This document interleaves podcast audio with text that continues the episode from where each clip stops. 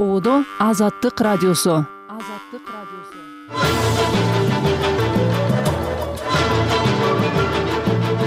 Талас округундагы шайлоонун жыйынтыгын сот жокко чыгарды. Бул окуя шайлоолордогу добуш сатуу көрүнүшү тууралуу талаш талкууну кайра козгоду. Алар менин үч миң добушум бар менин беш миң добушум бар деп элдин үстүнөн кадимкидей эле ээлик кылышат экен фридом хаус уюму кыргызстанды төртүнчү жыл катары менен эркин эмес мамлекет деп атады бишкек өлкөдө сөз эркиндигин коргой турганын айтып келатат ал арада эл аралык дагы бир башка уюмдун сурамжылоосунда кыргызстандагы эң олуттуу көйгөй деп жумушсуздук жана кымбатчылык аталды ошол эле учурда өлкөнүн азыркы багытын жактагандар көп болду бириккен улуттар уюмунун баш катчысы газадагы соңку чабуул боюнча иликтөө жүргүзүүгө чакырууда. Бизге жеткен маалыматтарга караганда ондогон адамдын башынан ок табылды. Бишкекте мыйзамдуулугу талаш жараткан имаратка байланыштуу мэрия менен жашоочулардын ортосунда тиреш болуп жатат. Бул темадагы макала баяндар алдыдагы жарым сааттын өзөгүн түзөт кийинки жарым саатта болсо чехияда такси айдап иштеген борбор азиялык мигранттар тууралуу баяндайбыз саламатсызбы бүгүн экинчи март. Азаттыктын студиясында санжар эралиев. Азыр жаңылыктар рахат кеңешовадан рахмат саламатсыздарбы. Кыргызстанда административдик аймактык реформанын алкагында бишкектин айланасындагы айылдар борбор калаадагы азыркы төрт районго биригип кошумча жаңы район түзүлбөйт. Бул тууралуу бишкекте административдик аймактык реформаны ишке ашыруу жөнүндөгү бишкек шаардык кеңешинин коомдук талкууга коюлган токтомунда айтылды. Сокулук районунун орок жана новопавловка айыл аймактары бишкектин ленин районунун аймагына карайт.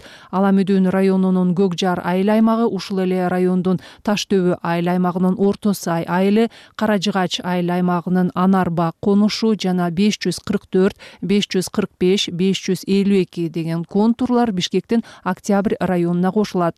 Ала мүдүн районунун маевка пригород айыл аймактары ушул эле райондун ак дөбө айыл аймагынын алтын казык конушу сокулук районунун ат башы айыл аймагынын ак жол айылынын жүз жетимиш жетинчи контуру биринчи май районуна кирет ала мүдүн районунун ала мүдүн төмөнкү ала арча лебединовка айыл аймактары ушул эле районго караштуу ленин айыл аймагынын мыкан айылы жана ак жар нуркожо ата жана адилет конуштары бишкектин свердлов районуна кошулат. Буга чейин бишкек шаарынын мэры айбек жунушалиев бишкектин аянты үч эсе кеңейтилип он эки миң тогуз жүз гектардан отуз жети миң ондон сегиз миң гектарга жетээрин айткан президент садыр жапаров былтыр он алтынчы декабрда экинчи элдик курултайда быйыл чүйдүн айрым райондорунун кээ бир аймактары бишкекке кошулаарын муну менен борбор кала эки миллион киши жашаган шаар болоорун билдирген. Бишкек кыргызстандын баш калаасы жана өлкөнүн саясий экономикалык илимий маданий борбору москвада кечээ биринчи мартта абакта белгисиз жагдайда каза болгон оппозиционер саясатчы алексей навальный жерге берилди. Маркумдун зыйнаты марьино районундагы храмда өттү сөөгү борисовская көрүстөнүнө коюлду. Коштошуу иш чарасына навальныйдын ата энеси туугандары жакындары киргизилди. Мындан тышкары аны менен коштошууга баргандар храмдан көрүстөнгө чейин колуна гүл кармап жөө басып баргандар он миң деп саналаарын маркумдун санаалаштары билдиришти. Жол боюнда көрүстөнүн тегерегинде коопсуздук чаралары күчөтүлгөн полиция кызматкерлери атайын автомашиналар топтолуп темир тосмолор коюлган навальныйдын тарапташтары жалпысынан бул күнү орусиянын бир нече аймагында отуз киши аны эскерүү иш чарасына барганда кармалганын билдиришти. Навальный каза тапкан он алтынчы февралда белгилүү болгон кырк жети жаштагы саясатчы камакта эки миң жыйырма биринчи жылдын январь айынан бери отурган былтыр августта ал экстремисттик ишмердүүлүк менен алектенген уюмду негиздөө жана каржылоо деген кине менен он тогуз жылга эркинен ажыратылган буга чейин ифраше иши боюнча айыпталып тогуз жылдык жазасын өтөп жаткан орусиянын жогорку бийлигиндеги жемкорлук тууралуу ачык айтып келген навальный өзүнө тагылган айыптарды четке каккан. Ал эки миң жыйырма биринчи жылдын башында орусияга германиядан даарылануудан кайтып барганда кармалган бир катар укук коргоо уюмдары навальныйды саясий туткун деп таанышкан орусия кытай менен беш ж байланыш жана спутник технологиялары тармагындагы кызматташтыгын кеңейтип жатканын кечээ биринчи мартта британиянын коопсуздук боюнча аналитикалык борбору билдирди. Борбордун пикиринде мындай кызматташтык орусиянын украинага каршы аскердик агрессиясына көмөк болот. Беш ж түйүнүндөгү интеграция орус армиясынын украинадагы аскердик аракеттерин жеңилдетери белгиленди. Москва менен тыгыз байланыштагы кытай бийлиги орусиянын украинага кол салуусун айыптоодон баш тарткан анын москвага сунуш кылган экономикалык жардамы орус бийлигине батыштын санкцияларынын басымында калбоого жардам берүүдө казакстан бирдей саатка расмий өттү. Биринчи мартта жарым түндө республикалык маанидеги шаарлар астанада алматыда жана чымкентте ошондой эле он эки облустта саат бир саат артка жылды. Ак төбө атырау батыш казакстан кызыл орда жана маңгыстау облустарында саат жылган жок. Анткени ал жак буга чейин эле азыркыдай убакытта болчу. Өкмөттүн жалпы өлкө боюнча бирдей саатка өтүү тууралуу токтомунда адамдын саламаттыгы экономикасы жана коопсуздугу үчүн табигый убакытка максималдуу түрдө жакын келген туруктуу саат зарыл экени белгиленген. Айрым казакстандыктар анын ичинде чыгыш тилкедеги облустардын тургундары жаңы саатка өтүүгө каршы болушкан. Эксперттердин айтымында казакстандын аймагы төрт ар башка сааттык форматка ылайык келет. Совет убагынан бери уланып келген жайкы саатка өтүүдөн казакстан эки миң бешинчи жылы баш тарткан. Рахат кеңешова айтып берген бул жана башка кабарлардын толук топтомун сайтыбыздан окуңуз дареги азаттык чекит орг ошондой эле социалдык түйүндөгү баракчаларга да биз жаңылыктарды макала баяндарды жана видеолорду күн сайын жарыялайбыз.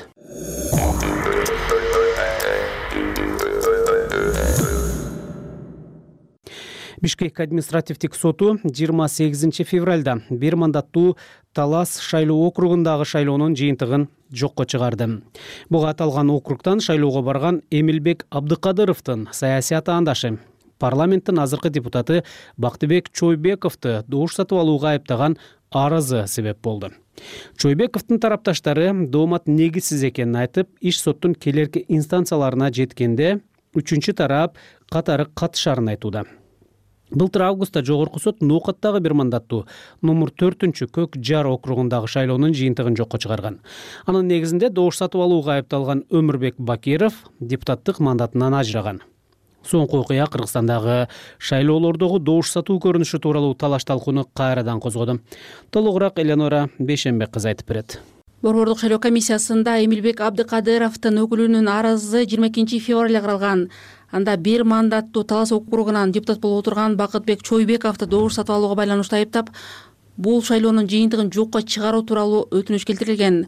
Боршайком даттанууну канааттандырган эмес ошондуктан арызданган тарап бишкек шаардык административдик сотко даттанып алардын пайдасына өкүм чыккан.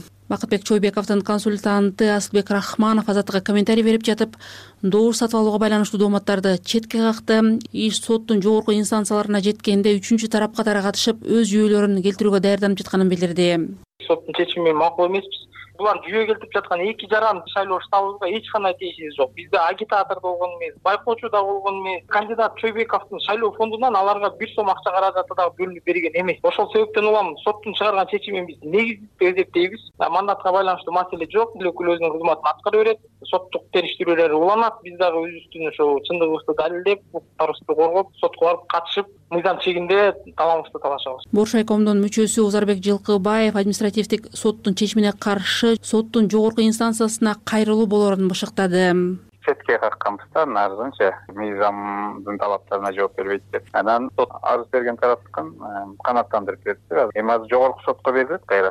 Чынын айтканда биз баягы шайлоонун алдында дагы көп эле айтып келгенбиз эгер талапкер же талапкердин тарапташтары добуш сатып алууга тиешелүүбү кийин аныкталып калса анда соттун чечими чыгат да күнөөлүү деп дагы болсо анда тиги шайлоонун жыйынтыгы жокко чыгат деп эле айтып бергенбиз. Былтыр августта ушундай эле жагдайда борбордук шайлоо комиссиясы өмүрбек бакировдун мандатын мөөнөттөн мурда токтоткон. Былтыр жыл аягында бакиров добуш сатып алууга байланыштуу күнөөлүү деп табылып айып пул төлөгөнү бир аптадай мурун белгилүү болгон. Былтыр майда бишкектеги бир мандаттуу ленин округундагы кайра шайлоодо талапкер дамира ниязалиева утуп чыккан. Бирок ага добуш сатып алууга байланыштуу айып коюлуп анын каттоосу жокко чыгарылган кийин дагы кайра шайлоо дайындалган ага катышкан экс депутат ыргал кадыралиева айрым талапкерлерди добуш сатып алууга байланыштуу айыптаган. Кадыралиеванын баамында шайлоолордо добуш сатуу сатып алууга байланыштуу туруктуу схема түзүлүп калган.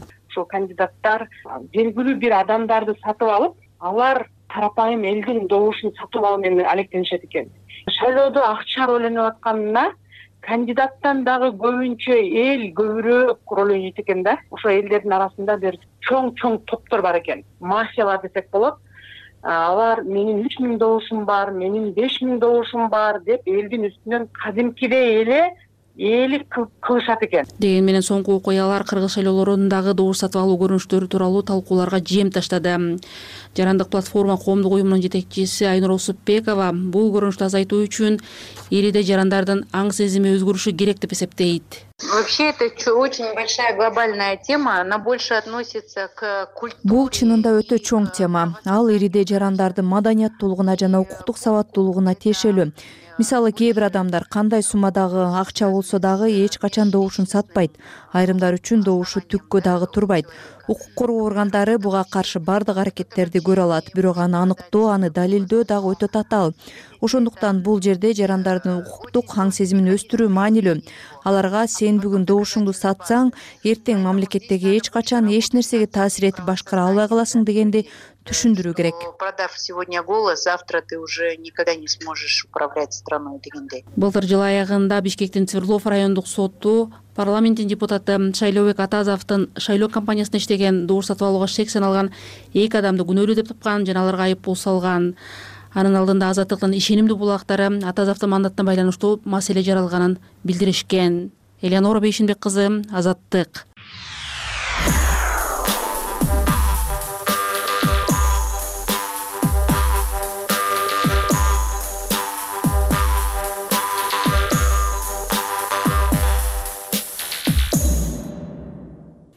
эл аралык республикалык институттун буйртмасы менен сиар изилдөө консалтинг компаниясы жүргүзгөн сурамжылоонун жыйынтыгы жарыяланды. Анда кыргызстандагы учурдагы эң олуттуу көйгөйлөрдүн бири катары кымбатчылык жумушсуздук айтылат. Ошол эле кезде кыргызстандын учурдагы курсу туура деген пикирлер басымдуулук кылып каржылык абалы оңолду деген адамдардын көбөйгөнү көрсөтүлгөн сурамжылоодо саясатчылардын рейтинги да жарыяланды. Кабарчыбыз кубатбек айбашев кыргызстандыктарды көбүрөөк түйшөлткөн социалдык экономикалык маселелерге кайрылат эл аралык республикалык институттун буйртмасы менен жүргүзүлгөн сурамжылоо эки миң жыйырма үчүнчү жылдын жыйырма биринчи декабрынан ушул жылдын он тогузунчу январына чейин жасалган. Изилдөө социалдык экономикалык абал саясат шайлоо демократия коррупция маалымат адам укуктары жана демография өңдүү багыттарды камтыйт. Изилдөөгө таянсак эки миң жыйырманчы жылдан бери жалпысынан мамлекет туура багытта өнүгүп баратканына ишенген калктын саны улам өсүп баратканы көрүнөт. Мында пикирдегилер эки миң жыйырма экинчи жылы рекорддук сексен беш пайызга чейин жеткен болчу. Бирок кийин жетимиш алты жетимиш сегиз пайызга чейин төмөндөп барып соңку сурамжылоодо кайра сексен эки пайызга көтөрүлгөн. Ал эми туура эмес багытта дегендер акыркы эки жолку сурамжылоодо тең он төрт пайызды түзгөн. Ошол эле маалда жарандардын жашоо турмушун чагылдырган бир катар конкреттүү көрсөткүчтөр да бар. Респонденттердин алтымыш сегиз пайызы үй бүлөсүнүн учурдагы экономикалык абалын кайсы бир деңгээлде жакшы деп көрсөткөн. Бул эки миң жыйырма үчүнчү жылдын май айындагы сурамжылоого караганда бир пайызга жогору көрсөткүч. Абдан жакшы дегендер да бир пайызга өскөн. Ал эми абдан начар дегендердин саны бир пайызга азайган акыркы он эки айда үй бүлөңүздүн финансылык абалы кандай өзгөрдү деген суроого абдан жакшы деп жооп бергендер былтыркы көрсөткүчкө караганда үч пайызга өссө кайсы бир деңгээлде жакшы дегендер төрт пайызга азайган. Ал эми ошол эле бойдон калды жана кайсы бир деңгээлде начарлады дегендерге бир пайыздан кошулган. Сурамжылоодон көз ирмемге четтеп кыргызстандын мамлекеттик статистикасына көз жүгүртүп көрсөк өлкөдө жыл ичинде табылган жети жүз миллиард сомдон ашуун жалпы акчалай кирешенин кырк беш бүтүн ондон жети пайызы калктын байманалуу жыйырма пайыз бөлүгүнүн капчыгына түшөт. Ал эми эң аз камсыз болгон дагы бир жыйырма пайызынын үлүшүнө ошол акчалай кирешенин беш бүтүн ондон алты пайызы туш келет. Бир катар серепчилер жалпысынан алганда объективдүү экономикалык өзгөрүштөр байкалып жатканын белгилешүүдө. Экономикалык серепчи искендер шаршеев өлкөдө инфратүзүмдүк долбоорлор көбөйгөнүн ишканалар менен өндүрүштүн саны өсүп жатканын фискалдык реформалар көмүскө экономиканы бир кыйла ачыктап бюджетке түшкөн каражаттын көлөмүн көбөйткөнүн айтат. Муну менен катар кымбатчылык өсүп карапайым калктын жашоо шартын оорлотуп жатканына токтолду биринчиден дүйнө жүзүндө поставщиктердин баалары өсүп кетти. Бул деген көнүмүш эле адат да эгерде акча көлөмү көбөйсө баалар өсөт баалар өскөнүнүн аркасынан баалар түшпөй атат. Бизге да кедергиси тийип атат да ошол. Бизде жетимиш пайыз бүт товарлар импортто а биз аны долларга сатып алабыз. Бизде кирешелер жай өсүп глобалдык инфляция кесепетинен азыр ошо баарыбызга кымбатчылык келип атат да. Орточо үй бүлөлөрдүн айтуулары боюнча орточо классты алганда айына жүз миң сомго чейин кетиришет экен да жашоо үчүн жөн эле жашоо үчүн. Андан ылдый кирешеси ылдый калк катмары боюнча аякта аябай мындай чатак иш аябай оор болуп атат да. Эгерде беш жыл мурда он беш миң сом жетсе айына азыркы кезге кеминде дегенде кырк миң сом керек да ошондой үй бүлөлөргө респонденттерге акыркы он эки айда кыргызстанда экономикалык абал кандайча өзгөрүлдү деген суроо берилген. Мурунку сурамжылоого салыштырмалуу абдан жакшырды дегендер алты пайызга көбөйүп кайсы бир деңгээлде жакшырды дегендер төрт пайызга азайган. Ал эми ошол эле бойдон калды дегендер бир пайызга өссө кайсы бир деңгээлде начарлады деп жооп бергендер тескерисинче бир пайызга азайган министрлер кабинетинин төрагасы акылбек жапаров социалдык тармактардагы баракчасында изилдөөдөгү көрсөткүчтөрдү өкмөттүн экономикалык саясатынын жетишкендиктери катары сыпаттап жазды. Сурамжылангандардын жыйырма жети пайызы мамлекет үчүн эң олуттуу көйгөй деп жашоо деңгээлинин абалын жана баалардын кымбаттыгын көрсөткөн бишкек шаарынын тургуну нургазы мусаев кыргызстанда кымбатчылык калың калкты кыйынчылыкка деп чакырлардын айласын курутуп баратканын айтып турат. Негизги мүлк болгон үй салуу чоң бир ишканаларды ачуу бизнес ачуу деген биякта турсун. Жөн эле азыр жан багуу мындай сапаттуу тамактануунун өзү кыйын болуп калды да. Ошон үчүн азыр миграция күчөп мурун россияга болчу негизинен. Азыр европада дагы аябай күчөп. Мен айрыкча мына кафелердин чайкаралардын тамагы кымбаттаганына аябай таң калып атам да. Эки эсе кымбаттап кетти да. Мына мисалы жөнөкөй бишкек шаарында жөн эле бир мындай немеге кирсең беш сомсуз бир адам тойбой калды азыр капитал бир белгилүү бир адамдардын колуна чогулуп калды да байлардын колуна. Анан алар капиталды кайра бир бизнеске салып же бир имарат салып анан ижарага берип коюп ошентип анан кийин. Жалпы эл мындай жакырлангандан жакырланды кетип атат да ал эми көйгөйдү үй бүлө деңгээлинде атай келгенде респонденттердин төрттөн бири эң олуттуу көйгөй катары жумушсуздукту атаган. Андан кийин каражаттын жетишсиздигин баалардын жогорулашын айлык пенсия жөлөк пулдардын аздыгын жана турак жай көйгөйүн көрсөтүшкөн. Социалдык маселелер боюнча серепчи жамила тогузбаева мамлекеттик кызматкерлердин кирешеси өскөнү калктын кирешесине бир топ огожо болуп калганын айтат. Бирок жеке компанияларда иштегендер кирешенин тартыштыгы менен кымбатчылыкты жоон териси менен жакшы эле сезип жатышат дейт госстатистика она же ведет данные по отчетности которые мамлекеттик статистика компаниялардын жеке ишкерлердин берген отчетторуна карап жазылат да ошондуктан ал болгону маалыматтарды жалпылап чыгарат. Айлык акы албетте жогорулады бирок мамлекеттик кызматкерлердики гана олуттуу түрдө жогорулады. Алардын маянасы азыр кырк миңден жетимиш миң сомго чейин. Башка жагынан алганда жеке компаниялардыкы мурдагыдай эле төмөн деңгээлде калып калды да. Мамлекеттик кызматкерлер бир кыйла көп болгондуктан статистиканы эсептегенде маянанын өскөнүн көрсөтөрү турган иш.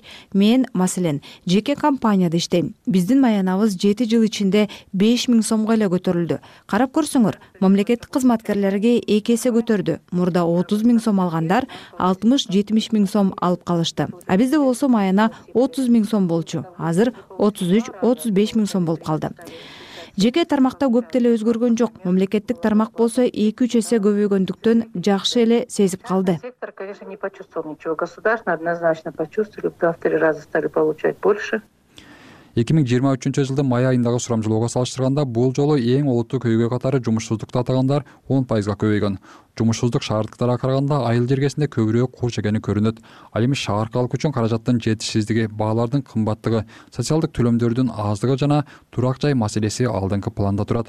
Ошол эле маалда улуттук статистика комитетинин маалыматына таянсак эки миң жыйырма үчүнчү жылы жумушсуздуктун деңгээли төрт бүтүн ондон тогуз пайызды түзүп мурунку жылга караганда нөл бүтүн ондон төрт пайызга азайган кубатбек айпашев азаттык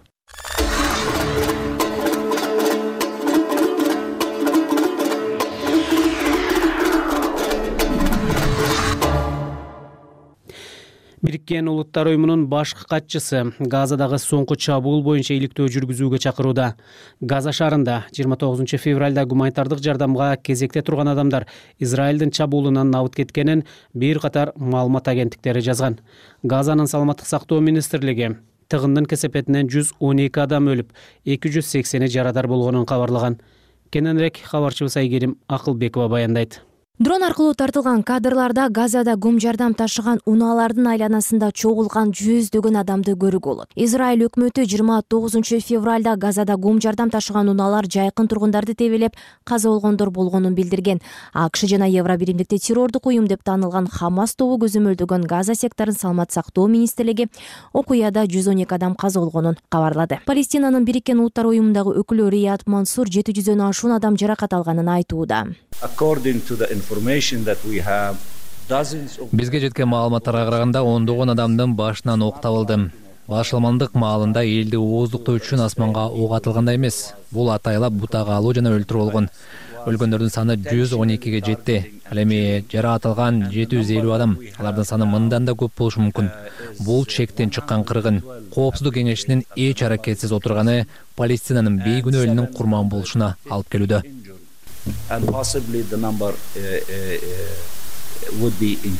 газа тилкесиндеги камал адван жана ал ауд ооруканаларында түрдүү жараат менен ондогон адамдар түшкөнү кабарланды. Израиль армиясынын басма сөз катчысы контр адмирал даниэль хагари буларды айтууда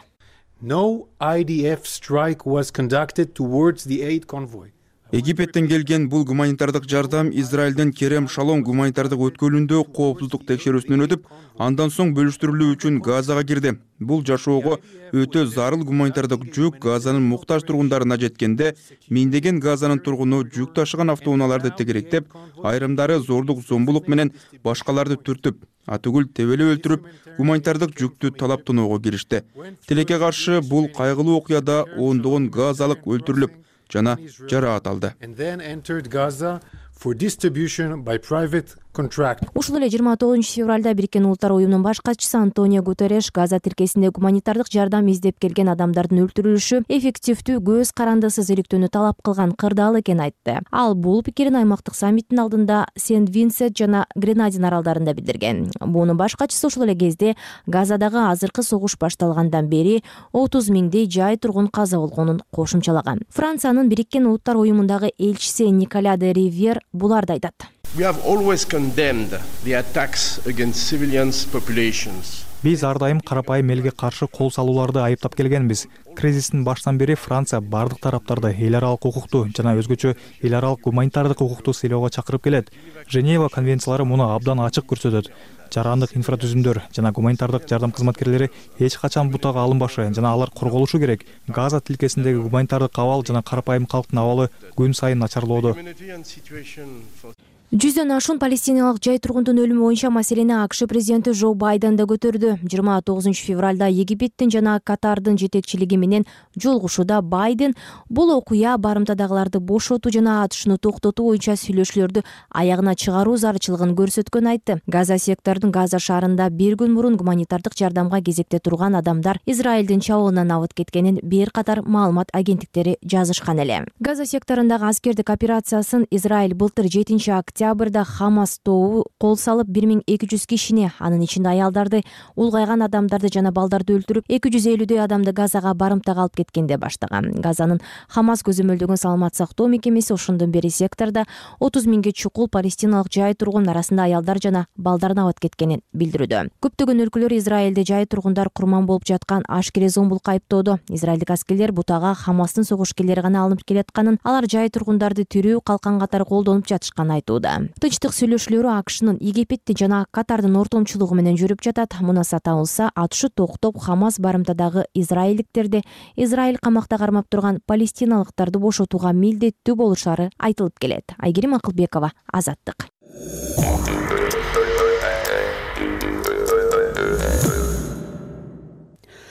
бишкек мэриясы сүйөркулов көчөсүндөгү көп кабаттуу имарат коммерциялык максатта соода борбору катары курулган деп тургундардын чыгып кетишин талап кылууда.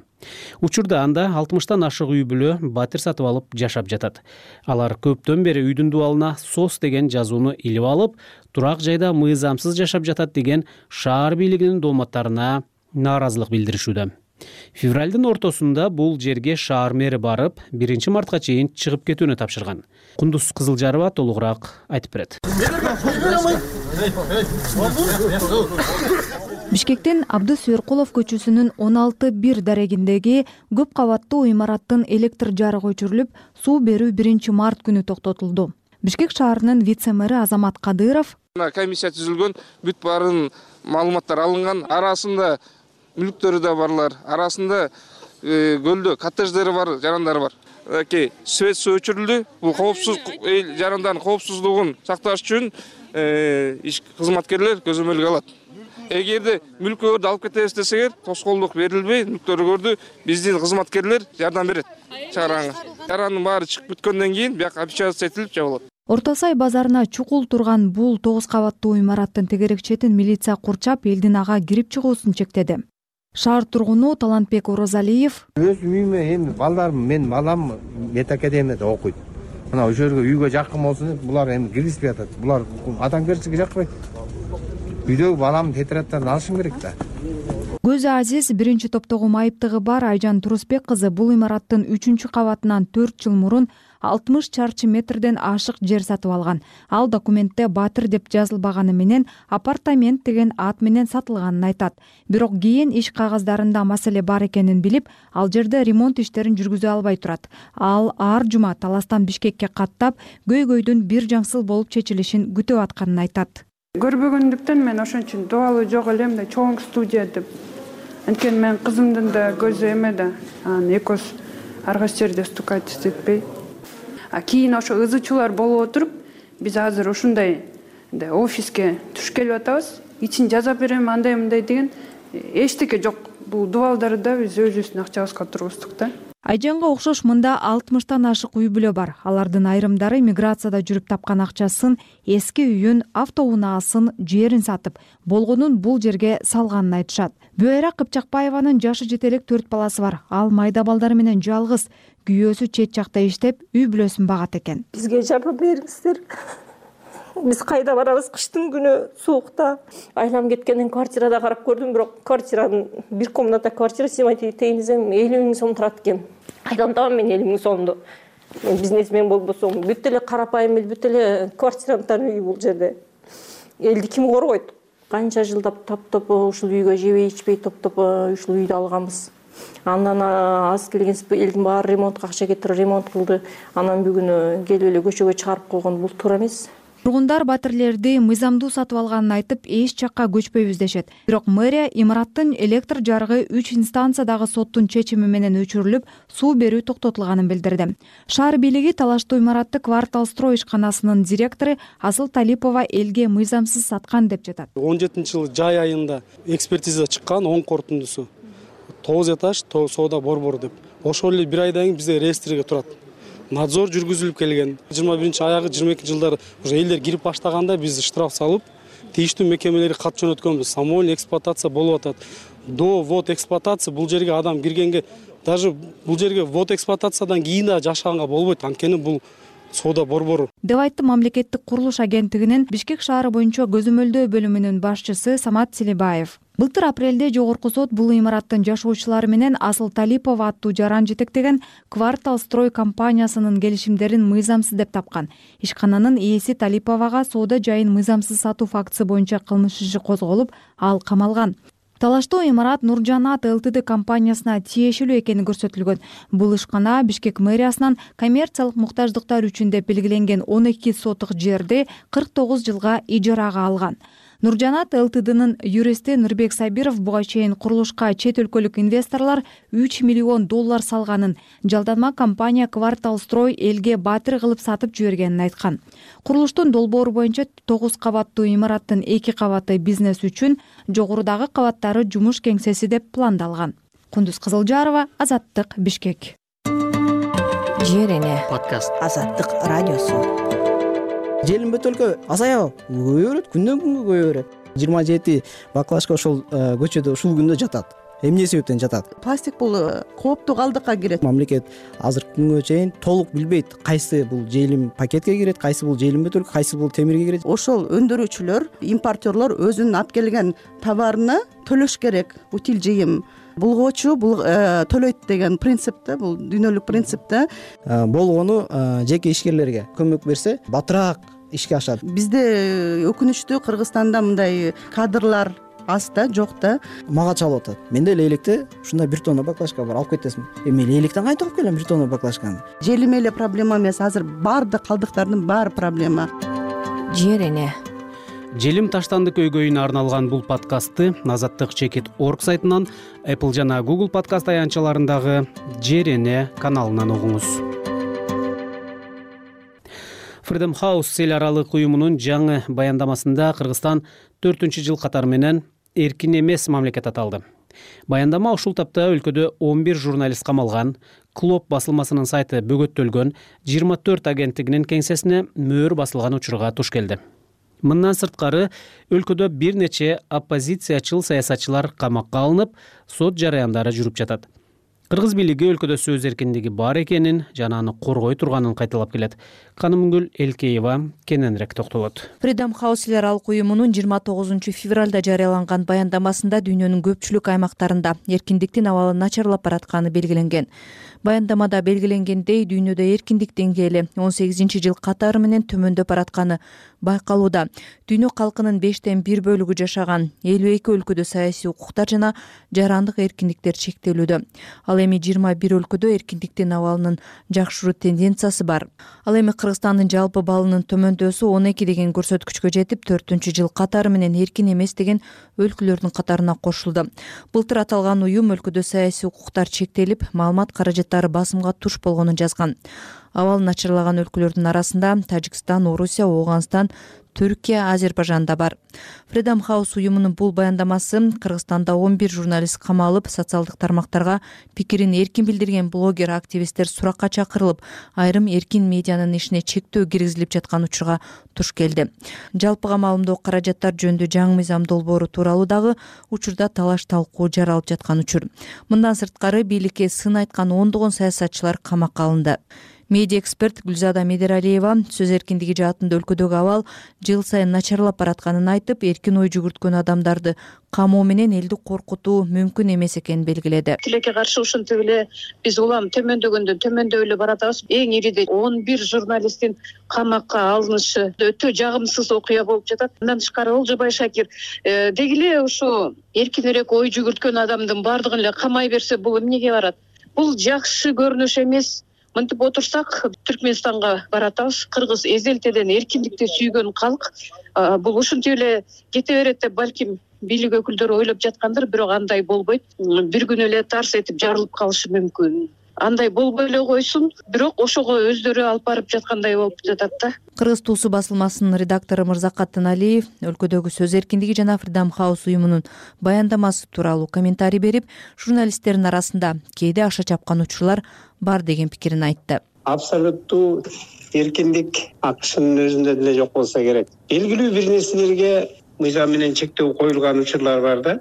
Мунун деле мындай бир жактуу баа бере берген изилдөөсүнө ишене берген. Туура деп ойлобойм да акыркы инстанциядағы чындык деп кабыл алганга болбойт да. Мисалы мамлекеттин коопсуздугу баягы адамдын жеке турмушу диний темалар чектен чыкпай турган. Бизде баары эле чектен ашып кетпедиби буга чейин жогорку кеңештин депутаты элдар абакиров парламенттин жыйынында министрлер кабинети сунуштаган жалпыга маалымдоо каражаттары жөнүндө мыйзам долбоору тууралуу пикирин билдирип документти иштеп чыгууда. Ал элдин кирешесине экономикага кандай таасир берерин эске алууга чакырган. Ошондой эле сөз эркиндиги коррупцияга каршы негизги курал экенин айткан.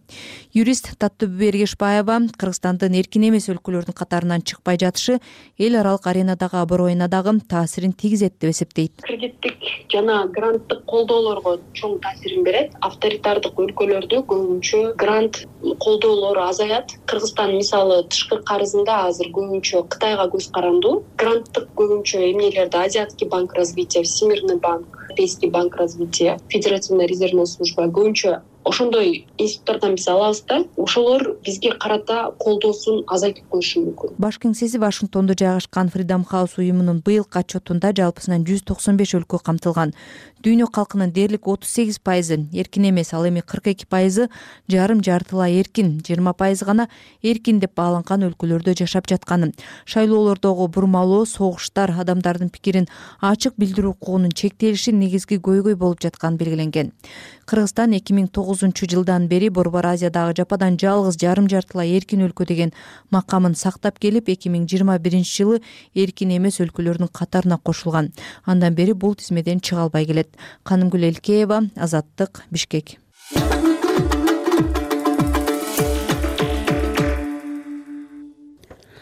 Эски европада такси кызматы он жетинчи кылымда эле пайда болгону тарыхтан белгилүү.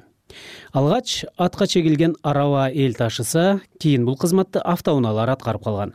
Чехиянын прага шаарында азыр деле таксиге суроо талап чоң. Кызыгы прагада эми кызматтын бул түрүн борбор азиядан келген мигранттар колго алган айгерим акылбекова чех чергесиндеги борбор азиялык таксисттер менен тааныштырат. Э, бул баяндын видеосун биздин ютубтагы каналыбыздан көрсөңүз болот. Приложенияга киребиз. Сразу муну күйгүзсөк эле уже кээде ушинтип сурап калат жума сайын или эки жумада бир өзүңдү сүрөткө тартып тияка кетирип турушуң керек. Бул европадагы такси кызматынын өзгөчөлүктөрүн айтып берип жаткан кыргызстандык баястан. Ал бир жылдан бери чехиянын борбору прага шаарында жүргүнчү ташыйт. Пец деген бул ит менен жүргөндөр мен ит салбайм. Пецти бассаң итти баардык адамдар заказ беришет. А эмнеге сен ит салбайсың? Өзүмдүн машинам болгондуктан кирдетким келбейт европадагы такси айдоочулар үчүн жергиликтүү тилди билүү абдан маанилүү. Анткени жергиликтүү кардарлар көбүнчө чекче англис тилинде сүйлөйт. Клиент негизи жаңы алганда жөн гана учурашабыз. Анан коштошобуз. Кээде сурап калышат бул жака барыш керек. Э, кээ бир адамдар туура эмес адрес берип алышат. Башында бир аз кыйын болду бирок азыр кичине түшүнүп калдым. Жооп бергенге аракет кылып колдору менен көрсөтүп ээсин кээде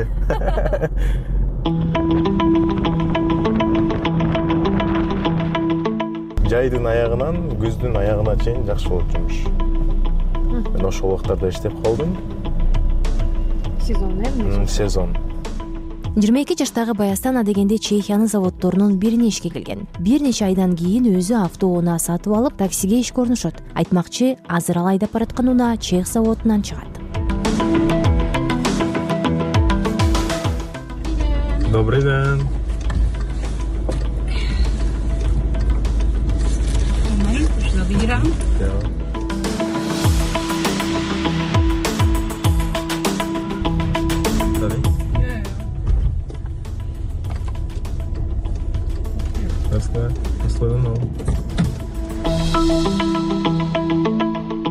э, менин өзүмдүн правом болгон кыргызстанда. Ал международный право бул жакта англис жазылган ошону беребиз.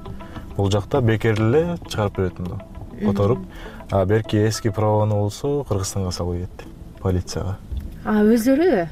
Эски правоң жок азыр? Эски правом жок муну менен жүрөм жилнастек деп коет ошондой ачтырып туруп анан ачтырышат мындай болот. Бул жок э, таксиге кире албайсың. Жаман айдасаң или катуу айдасаң минимальный оценкаларды койсо бул түшүп кетет түшүп кетсе заказ азыраак түшөт деген маани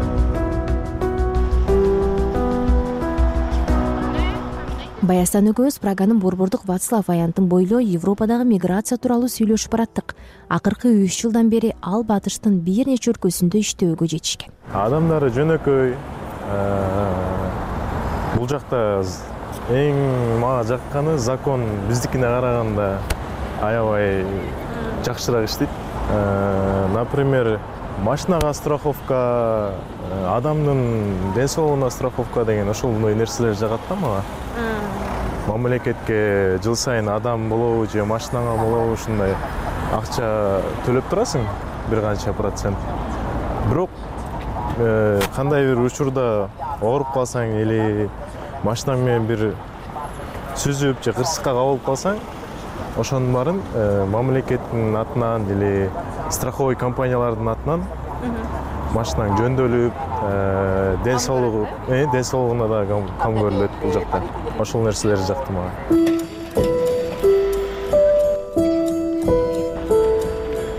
Эреже буздуң жооп бересиң. Бузбасаң жүрө бересиң. Жөн эле токтото бербейт. Сен өзүң бул жакта мисалы коопсуз эле сезесиңби? Мындай өзүң ооба эркин эле алып жүрөсүңбү эркин эле ооба. Мындай мен мигрантмын же болбосо мен азыр мындай болуп кетишим мүмкүн деген коркунуч жок. Жок.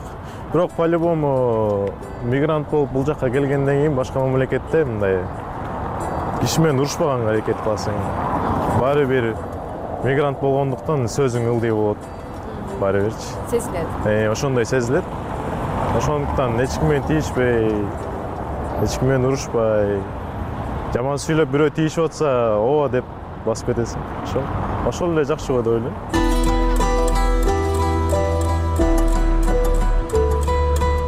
Баястан бишкекти музыкалык колледжге тапшырып окуусун бүтөй электе чет жакка иш издеп кеткенге аргасыз болгон. Азыр эми анын машинесине отурган прагалык жүргүнчүлөр үчүн дайыма кыргыз тилинде ырлар жаңырып турат. Ырдап чыгам деген кыялда барбы дагы эле ооба бар. Убакыт көрсөтөт буюрса дагы жашпыз. Дагы убакыт бар дегендей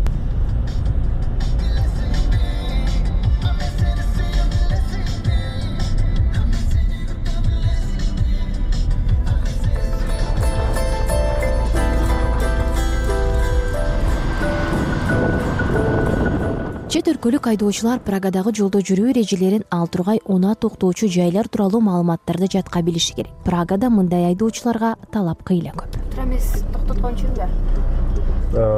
бул жака акча төлөдүбү төлөгөн жокпу ошону текшеришет. Парковкалар акча? Ооба.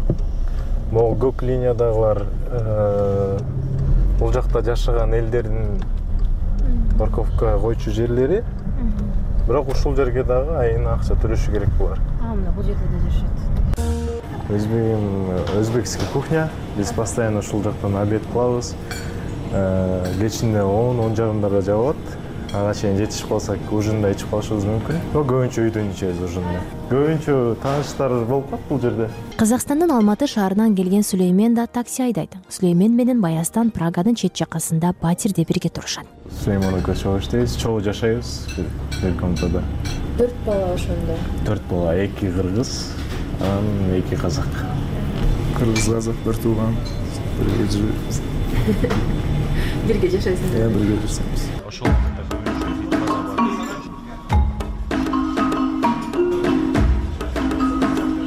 прагада азия ашканасынын тамактарын даярдаган ушул өңдүү бир нече жакан ашкана бар.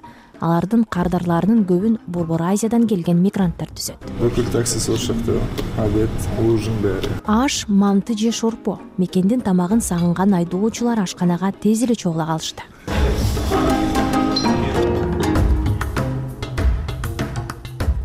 Тамак үстүндө бири бири менен сүйлөшүп жаңылыктарды айтып кадимкидей чер жазышат азыркы жүргүзүүчүлөр казакстан кыргызстан өзбекстан.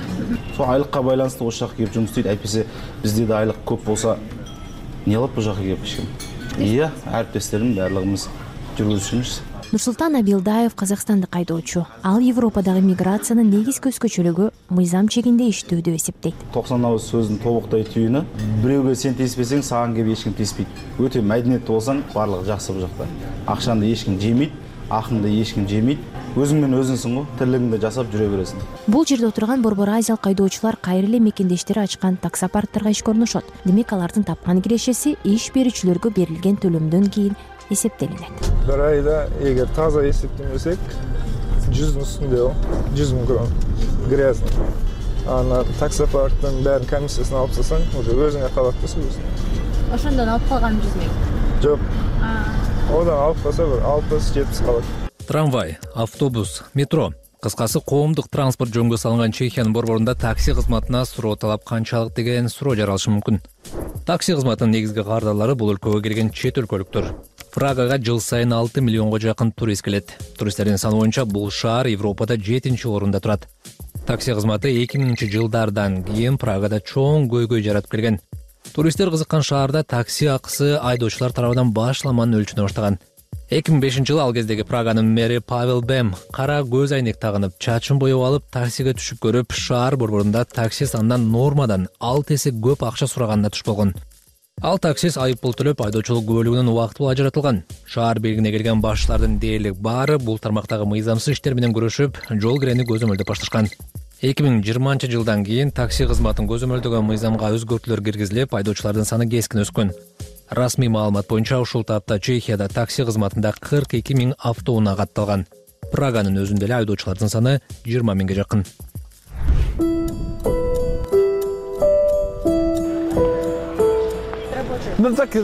Праганын тургуну петр носек менен туристтер агылган шаардын борбордук бөлүгүндө жолуктук. Ал бир нече жыл китеп дүкөнүндө иштеп борбор азияны чыңгыз айтматовдун чыгармалары аркылуу тааныган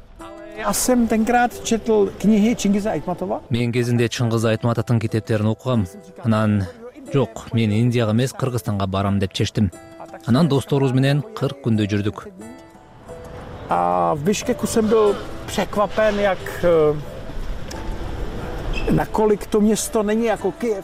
Бишкектин киев же петербург сыяктуу советтик шаар эмес өзүнүн чыгышка мүнөздүү өзгөчөлүгүн оймо чиймелерин сактап калганын көрүп таң калгам орнаменты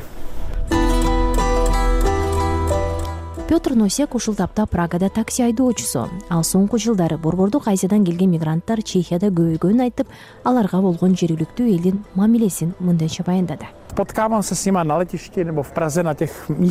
Аэропортто же праганын аймактарында негизинен украиналык жана өзбекстандык айдоочуларды жолуктургам алгач өзбекстандын өзүндөгү өзбектер менен жолукканымды эстесем алардын европалыктарга сылык мамиле кылаарын меймандостугун көрсөтөрүн билем алар прагада деле ошол мүнөзүн көрсөткөнгө сылык болгонго аракет кылышат. Бирок алар чехиялыктардын ксенофобиялык мамилесине туш болушат.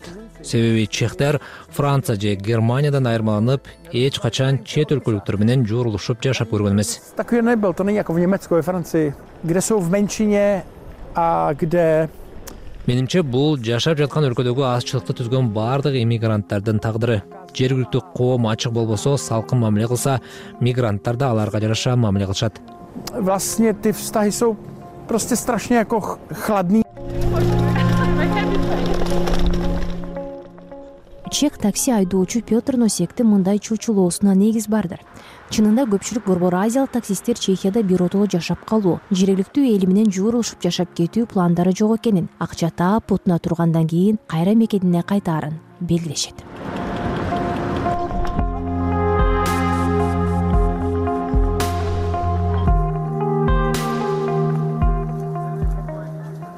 прагада борбор азиядан келген мигранттар бири бири менен тыгыз байланышта бирге тамактанып жашап бири бирине жардам бергенге аракет кылышат.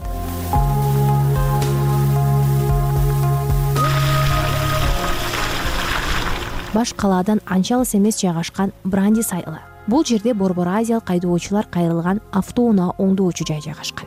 Машиналарын бул жерге токтотуп ключдарын бияка ачып салып кое берет. А бул жерде эч ким албайт. Эртең менен биз келебиз бияктан ачкычтарды алабыз и дальше жумушубузду көрөбүз кайсы кайсы машиналар келгенин. Көбүнчө бизге телефон аркылуу жазып коюшат. Бул машинамды алып келдим карап бере аласыңарбы деп. Кыргызстандык мыктыбек аскарбеков прагада беш жылдан бери жашайт. Ал соңку жылдары орус тилдүүлөрдү тейлеген жайда механик болуп иштеп жатат.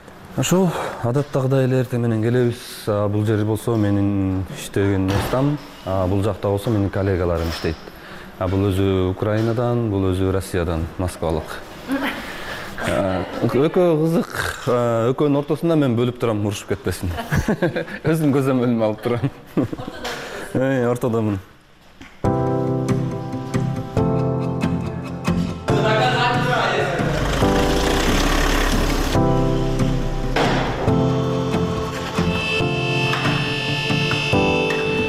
машина оңдоочу жайдын кардарлары кайра эле мигранттар. Көбү чех тилин билбей же алданып калгандан коркуп мында кайрылышат экен обычный таксисттер эле келет көбүнчө. Алардын алтымыш жетимиш пайызы таксист клиенттердин. Калгандары болсо ар кандай жумушта иштешет? Заводдордо иштешет фабрикаларда иштешет кандай десем. Ну ар кандай көп собашка кылып иштегендер бар. Карызга жазып тур мыктыбек дейт айла жок жазганга туура келет. Карыз тетрадын көрсөтпөй эле коеюн баары бир жазылат да адам болгондон кийин. Мыктыбектин кардарлары көп. Алды алты айга чейин жазылып кезегин күтүп калышат. Ушундан улам азыр ага анын бир тууган иниси көмөктөшкөнү келген экен. Үйрөнүп машина оңдогонду үйрөнүп атат. Өзүнүн кызыгы болуп үйрөнөм дейт үйрөтүп атабыз. Ошол өзү өз алдынча иштеп атат. Жакшы. Эми мага да жардам берет өзүнө да жакшы өзүнө дагы мага дагы дегендей. Киреше эле бизнес ишпи бул негизи иштесең табасың баардык эле жерде ошондой го. Иштесең акча табасың иштебесең акча жок. Пожалуйста.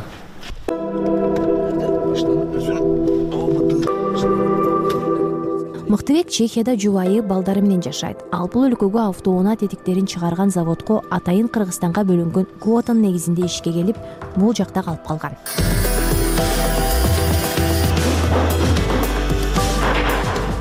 бирок кыргызстандыктардын чехияга узак мөөнөттүү виза алышы тагыраагы жумушка же окууга келиши соңку жылдары абдан татаал.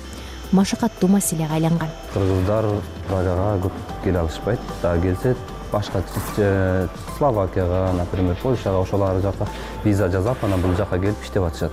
Бияктан көп нерсе үйрөндүм. Адамга болгон мамилеси отношениясы машина оңдогонун да көбүнчөсүн бияктан үйрөндүм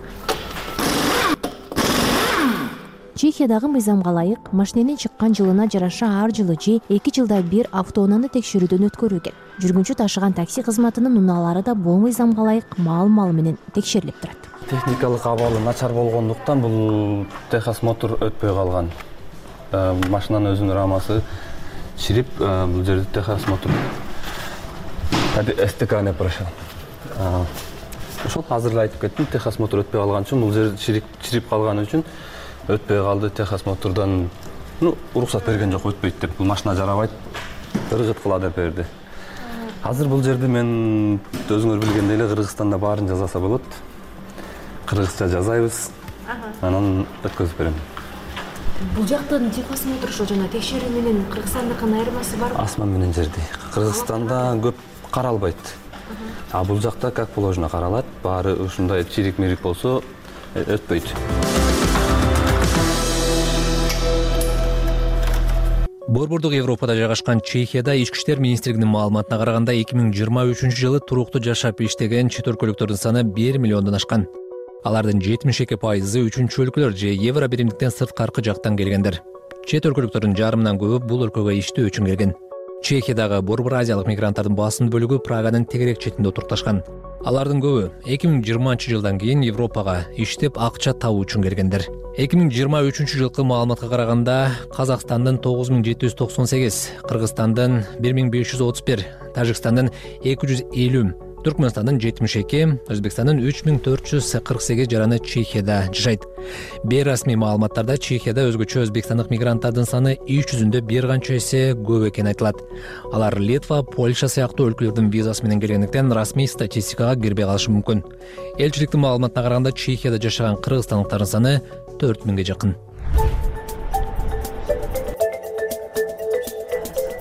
саадат дамбинова кыргызстандын чехиядагы ардактуу консулу. Ал соңку жылдары чехияда борбор азиялык мигранттар көбөйгөнүн алардын көбү такси тармагына ишке келгенин айтып берди. Э, борбор азиялыктардын бул тармакка келишинин э, келиши эки миң жыйырманчы эки миң жыйырма биринчи жылдан башталды деп ойлойм.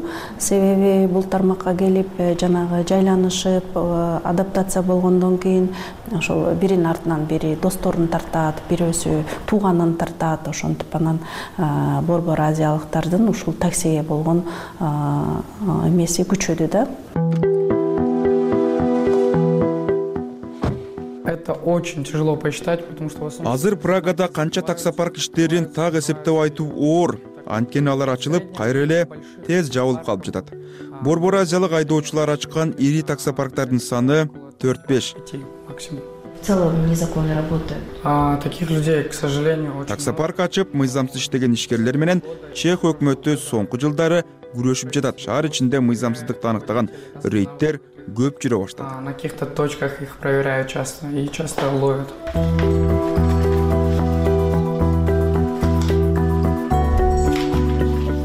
Кыргызстандык дилшот курбанов борбор азиялыктар иштеген таксопаркта айдоочуларды жумушка кабыл алып аларды тейлеп тескеген кызматта. Наши водители биздин айдоочулар эмгекчилдиги менен айырмаланып турат. Алардын баары тапканын үйүнө жөнөтүшөт алардын негизги максаты тынбай иштеп акча табуу.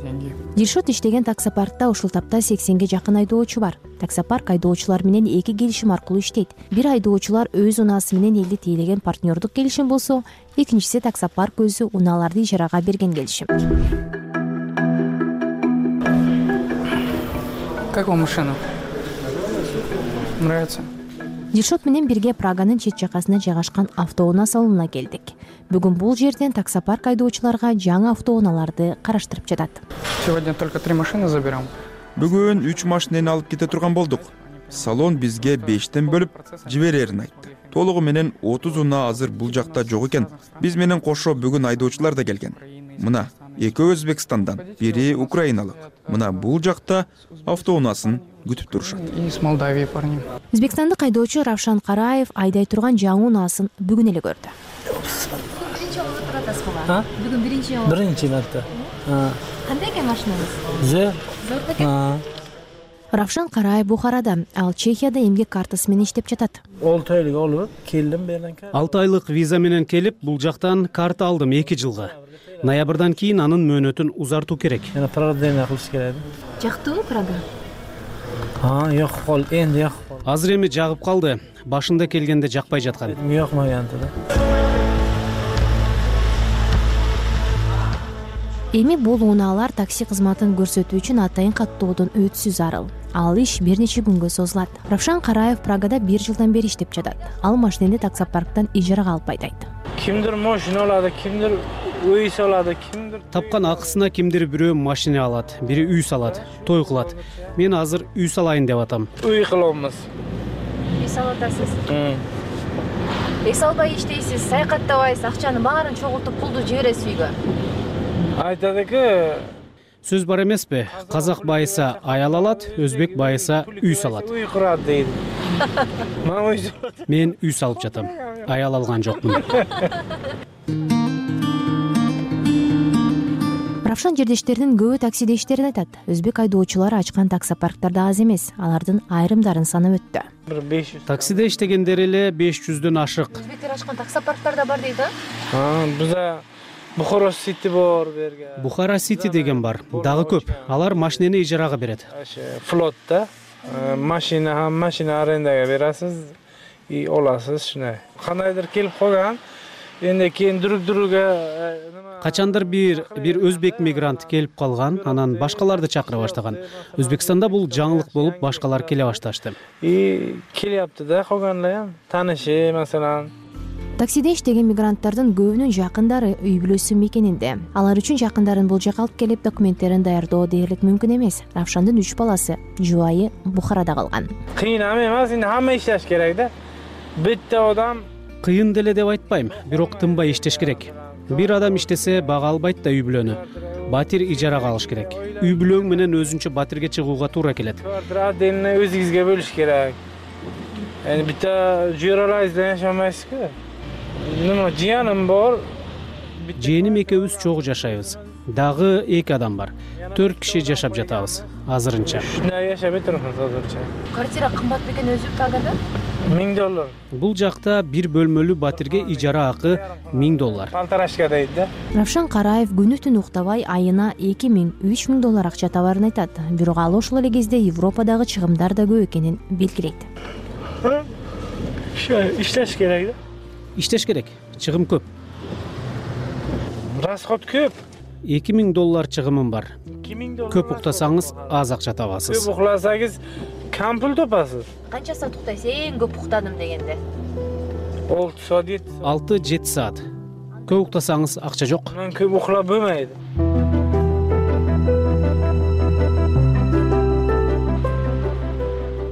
айдоочулар кечкисин көбүрөөк буйрутма алганга аракет кылышат. Ал кезде тиркемеде жол кире акысы кымбатыраак болот. Равшан ошондон улам шашып буйрутма алууга жөнөп кетти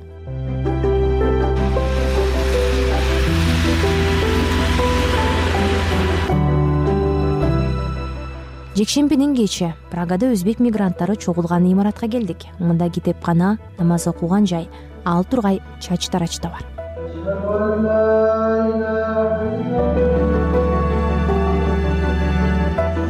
так раздельный письменка наши биздеги харфлардан фарклы харфлар. Бүгүн бул жерде чек тилин үйрөтүү курстары өтөт. Сме бизлар иштен бошогон мигранттар чек тилин үйрөнүү үчүн аптасына бир жолу келип турушат. Тил үйрөнгүсү келгендердин көбү такси айдоочулары. Таксиде иштегенде чек тили керек бекен керек да основной клиенттер таксиде чехла билет э. Атын атап жүзүн көрсөткүсү келбеген бул мигрант жигиттин прагада таксиде иштегенине беш жыл болгон. Ал чехиянын мыйзамдарына ылайык бул жакта туруктуу жашоо үчүн тил сынагына камданып жатат беш жыл экзамен тапшырыш үчүн тил үйрөнүп атам. Иште да кардарлар чехтер чехче сүйлөшөт. Беш жыл болду. Беш жылдан бери үйрөнө элексизби энди үйрөнөбүз он е ва три өзбекстандык хайдуулла ахматжановдун чехияда жашаганына он төрт жыл болгон. Ал курулуш тармагында иштейт. Бошогон маалда мекендештерине жардам берип чех тилинен сабак берет. Үчүн өзбектер үчүн бул бөтөн тил славяндардын тили да. Мен өзүм орус тилдүү мектепте окуганым үчүн мага өздөштүрүүгө жеңил болду кимдер келет сизге үйрөнгөнгө көбүнчө? Койдоп койдо жок. Коклаган келип агар немеси болсо бири ишине дагы бири бул жакта туруктуу жашоо үчүн чех тилинен сынак тапшыргысы келет. Мен аларга жардам бергим келди. Бекорчу убакыт прагада дагы бир жекшемби аяктады. Алдыда жаңы жумуш аптасы башталат. Борбор азиялык айдоочуларды жаңы кардарлар жаңы маршруттар күтөт. Алар мекенинен оңдогон чакырым алыста ушинтип тынбаган эмгек мээнет менен күрдөөлүү иштешет айгерим акылбекова азаттык прага ушуну менен экинчи марттагы таңкы программаны жыйынтыктайбыз. Аны мен санжар эралиев сунуштадым. Ишемби күнүңүз көңүлдүү болсун. Саламатта калыңыз